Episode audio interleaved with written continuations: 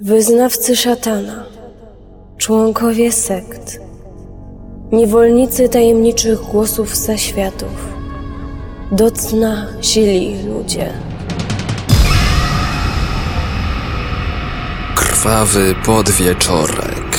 Cześć, witajcie w Krwawym Podwieczorku. Nazywam się Persefona i opowiadam Wam o najniebezpieczniejszych mordercach w historii świata. Bohaterem dzisiejszego odcinka będzie kolejny głodny inaczej Japończyk. Otaku Killer. Kim był? Posłuchajcie.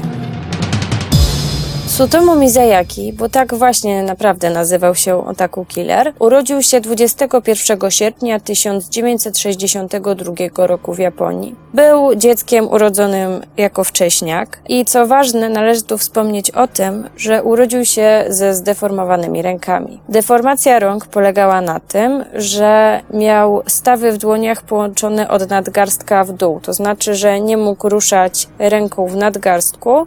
Jeżeli chciał rękę zgiąć, mógł ją zgiąć dopiero w stawie łokciowym. Ręce wyglądały tak, jakby były na stałe wykrzywione i z powodu tej deformacji już od najwcześniejszych lat był odrzucony przez rówieśników. Był bardzo słabym uczniem i przez cały okres swojej edukacji nie podniósł tych wyników poniżej bardzo niskiej kreseczki, w związku z czym nie dostał się na wymarzone studia pedagogiczne i został technikiem fotografii. W roku 1980 Tsutomu wrócił do swojego rodzinnego domu i zamieszkał ze swoją siostrą w pokoju. Nie miał ochoty pracować w drukarni swojego ojca, która mieściła się niedaleko ich miejsca zamieszkania. Po aresztowaniu miał powiedzieć, że jego rodzice bardziej martwili się o rzeczy materialne i nie przejmowali się sentymentami. Czuł się po prostu przez nich ignorowany.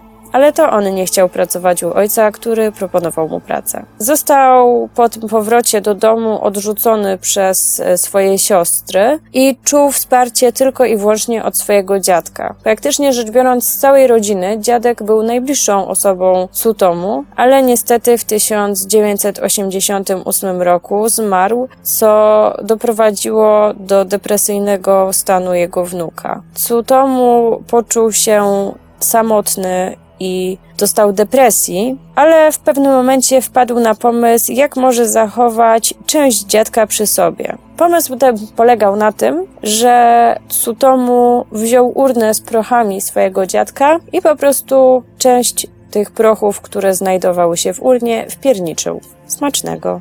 Po tym niezwykle wartościowym i bogatym w mikroelementy posiłku zaczęły się dziać różne dziwne rzeczy w życiu Tsutomu. Kilka miesięcy później jedna z jego sióstr przyłapała go na podglądaniu pod prysznicem. Kiedy kazała Tsutomu wynosić się, zaatakował ją, a kiedy poskarżyła się matce, matka kazała mu poświęcać więcej czasu na pracę, a mniej spędzać na oglądaniu wideo. W odpowiedzi syn zaatakował matkę. Według jednej z koleżanek z czasów, kiedy Tsutomu studiował, miał on kompleksy z powodu małego członka i braku zainteresowania wśród starszych kobiet. W związku z czym właśnie tym tłumaczone jest to, że podglądał swoje siostry i że zaatakował własną matkę, ponieważ była to jakby forma wyrażenia frustracji przeciwko temu, że tego zainteresowania ze strony kobiet w jego życiu nie było. Koleżanka wspominała również o tym, że Tsutomu chodził na mecze tenisowe na uniwersytecie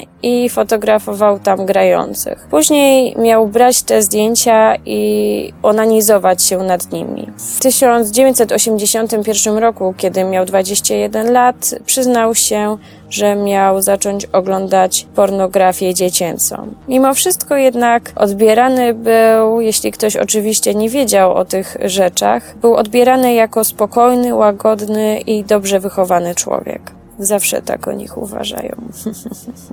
Niedługo po tym, właśnie jak zmarł jego dziadek i po incydencie z jedną z sióstr, Miyazaki 22 sierpnia 1988 roku, było to dzień po jego 26 urodzinach, uprowadził czteroletnią Marie Kono. Marikono została porwana przez niego z domu znajomych. Rodzice szukali jej bezskutecznie, po czym zawiadomili policję. Miyazaki wywiózł dziewczynkę autem na zachód od Tokio, a następnie zaparkował pod mostem w bardzo zalesionej okolicy. Zwłoki zamordowanej dziewczynki zostały wykorzystane seksualnie, a następnie porzucone w górach w pobliżu domu Miyazakiego. Zabrał ze sobą jej ubrania, a później porzucił je na miejscu zbrodni, zanim zwłoki rozłożyły się do końca. Odciął sobie jej ręce oraz nogi i później trzymał je w szafie, te części ciała dziewczynki odnaleziono po jego aresztowaniu. Pozostałe szczątki zabrał, spalił w piecu, a popioły wysypał do pudełeczka i wysłał rodzicom dziewczynki. Do paczki dodał zdjęcie jej ubrania i kilka zębów oraz liścik o treści Marii skrępowana kości dochodzenie dowód. 3 października 1988 roku Miyazaki jechał wiejską drogą i zauważył na niej siedmioletnią Masami Yoshizawa, której zaproponował podwiezienie, a ona się zgodziła. Pojechali w to samo miejsce, gdzie zabił on Mari, po czym zabił Masami. Potem oddał się aktom nekrofilskim, po czym zabrał jej ubranko i odjechał. 12 grudnia 1988 roku porwał czteroletnią Erikę Namba, która wracała do domu od koleżanki. Tym razem udał się na parking na Guri, gdzie zmusił dziewczynkę do zdjęcia ubrań, po czym zaczął robić jej zdjęcia na tylnym siedzeniu samochodu. Po zabiciu dziewczynki skrępował jej ręce i nogi za plecami, po czym nakrył jej ciało prześcieradłem i przeniósł do bagażnika swojego auta. Brania dziecka wyrzucił w zalesionej okolicy, a jej ciało porzucił na pobliskim parkingu. Następnie wysłał kartkę do rodziny, używając do stworzenia wiadomości słów wyciętych z gazet. Słowa układały się w następującą wiadomość. Erika, zimno, kaszel, gardło, odpoczynek, śmierć. 6 czerwca 1989 roku Miyazaki przekonał pięcioletnią dziewczynkę o imieniu Ayako, by pozwoliła porobić sobie zdjęcia. Potem zaprowadził ją do swojego samochodu i zabił. Ponownie użył prześcieradła do okrycia zwłok w bagażniku swojego samochodu i zawiózł truchełko do swojego mieszkania. Przez dwa dni poświęcał się czynnościom nekrofilskim z martwym ciałem dziecka, fotografował je w różnych pozycjach oraz filmował. Kiedy zwłoki zaczęły się rozkładać, rozczłonkował je, a następnie e, tłów zostawił na cmentarzu, natomiast głowę na jednym z pobliskich wzgórz. Dla siebie zatrzymał ręce, z których e, wypił krew, smacznego, a następnie częściowo je zjadł, również smacznego. Obawiając się, że policja jednak znajdzie ciało ofiary, przewiózł szczątki do mieszkania i schował w szafie. Ogólnie rzecz biorąc, od sierpnia 1988 do czerwca 1989 porwał, okaleczył i zabił cztery dziewczynki w wieku od 4 do 7 lat. Dokonał aktów nekrofilskich, kanibalistycznych, pił krew, zjadał fragmenty ciała. Pisał do rodzin ofiar, opisując w listach szczegóły zbrodni. Wysyłał te listy złożone z wyciętych z gazet słów. Do wszystkich też wykonywał uciążliwe, głuche telefony. Jeżeli ktoś nie odbierał, to potrafił dzwonić w kółko nawet 20 minut w kółko, w kółko, w kółko, w kółko. Ciekawostką jest też to, że wysyłał listy do mediów, podając się jako kobieta i właśnie ta kobieta miała dokonać tych wszystkich zbrodni, porwać dziewczynki i je zamordować. I tak dochodzimy do 23 lipca 1989 roku. Na temat tego dnia znalazłam trzy wersje wydarzeń. Wydaje mi się, że, że gdyby się jeszcze poszukało, to pewnie znalazłoby więcej tych wersji. W każdym razie każda z nich jest zadziwiająca i, i, i troszkę mnie to zszokowało, że, że tak to wszystko wyglądało. Według pierwszej wersji Miyazaki próbował wsadzić teleobiektyw do waginy dziewczynki w wieku szkolnym. Miało to miejsce w parku niedaleko domu dziecka i został tam zatrzymany przez ojca tej dziewczynki. Miyazaki ucieka nagi na piechotę, ponieważ chciał odzyskać swoje auto, które zostawił w parku. Zostaje zatrzymany przez policję, która została wezwana przez jakiegoś tam dziadka, który przechodził i zobaczył biegnącego Japończyka gołego całego, jak go Bozia stworzyła. Druga wersja jest bardzo podobna i traktuje o tym, że został on złapany po tym, jak ojciec tej napastowanej dziewczynki został wezwany przez jej siostrę, która po niego pobiegła i że było to fotografowanie nie teleobiektywem, tylko jakimś mniejszym, mniej rzucającym się w oczy obiektywem. No, że właśnie fotografował jej te genitalia, no ale że nie był goły, tylko po prostu te, te zdjęcia robił, czyli powiedzmy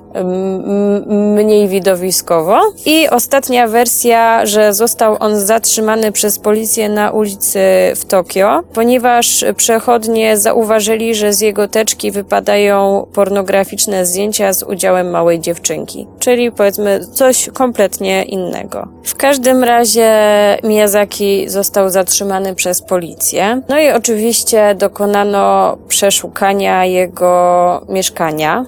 W dwupokojowym y, mieszkaniu odnaleziono zbiór ponad 5763 kaset wideo, które między innymi zawierały filmy anime oraz slashery. Slashery są to filmy będące pod gatunkiem horrorów, w których liczba bohaterów zmniejsza się wraz z rozwojem fabuły w dziwnych okolicznościach. Często występuje tam ten psychopata morderca, który wykańcza ich przy użyciu sprzętów gospodarstwa domowego, czy tam, yy, czy tam sprzętu ogrodniczego. Czyli mamy tutaj w akcji piły mechaniczne, kosy, maczety, siekiery, noże, młotki i tego typu sprawy. Firmy uznano jako jeden z dowodów, które miały uzasadniać zbrodnicze zachowanie Mizajakiego. Wśród y, rzeczy, które y, znaleziono w mieszkaniu poza, poza tą niesamowitą kolekcją filmów,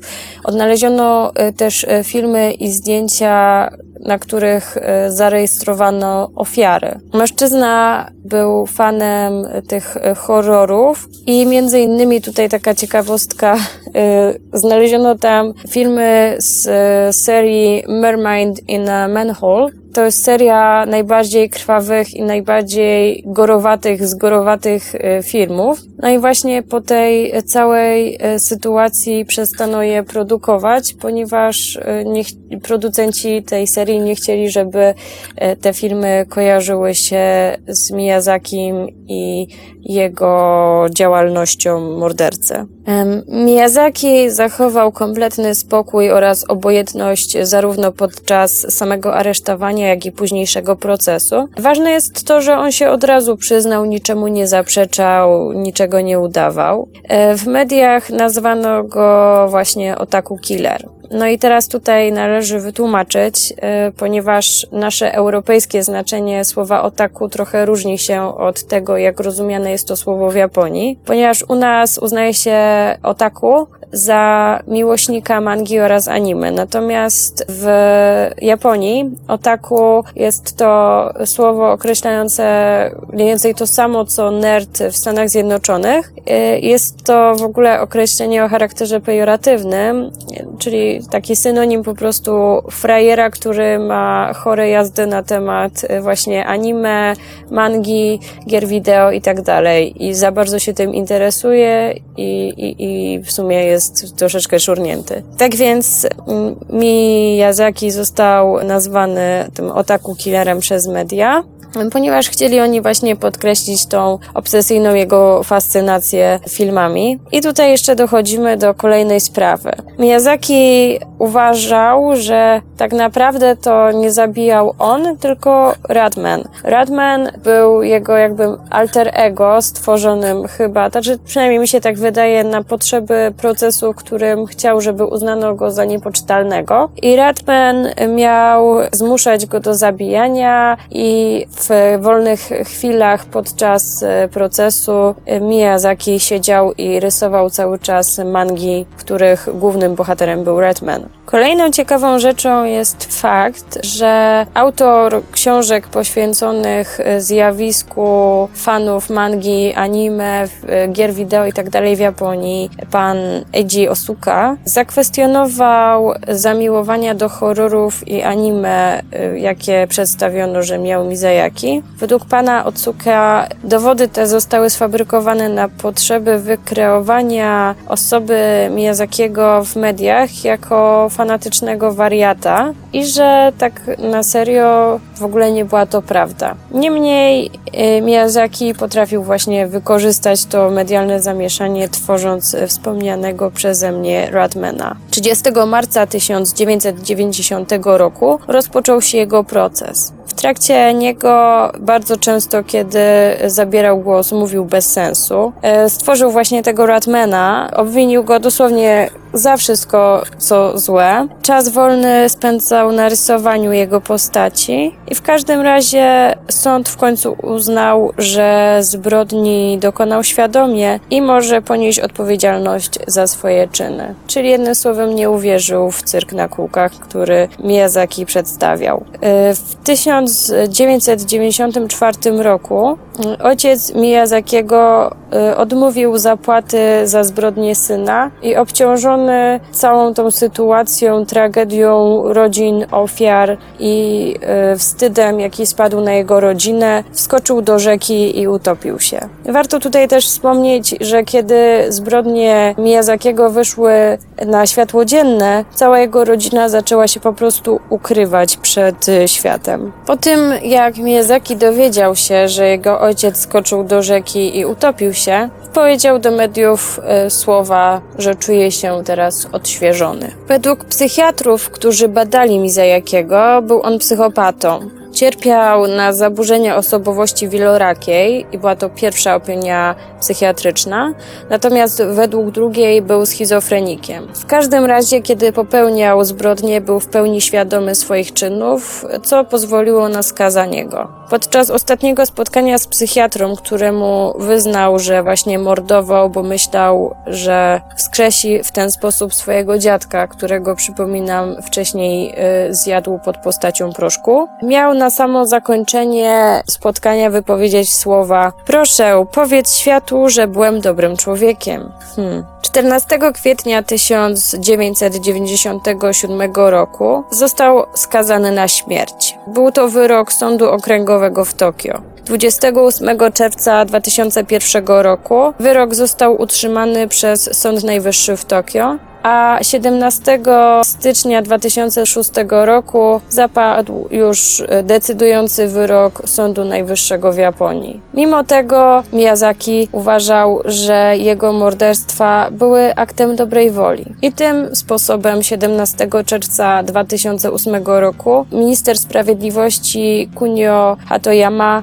podpisał wyrok śmierci i Miyazaki został powieszony. W momencie, kiedy wykonywano na nim wyrok śmierci, Miyazaki miał 45 lat.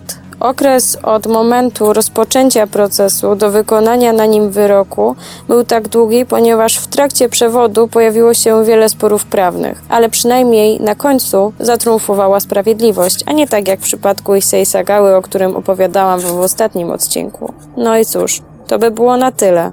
I pamiętajcie, uważajcie na żarcie w proszku, bo nigdy nie wiadomo, co oni tam dają do środka. Trzymajcie się. Cześć. Wyznawcy szatana, członkowie sekt, niewolnicy tajemniczych głosów zaświatów, do cna sili ludzie. Krwawy podwieczorek. Jeśli chcesz o coś zapytać, skontaktuj się ze mną na forum Radia Paranormalium pod adresem paranormalium.pl.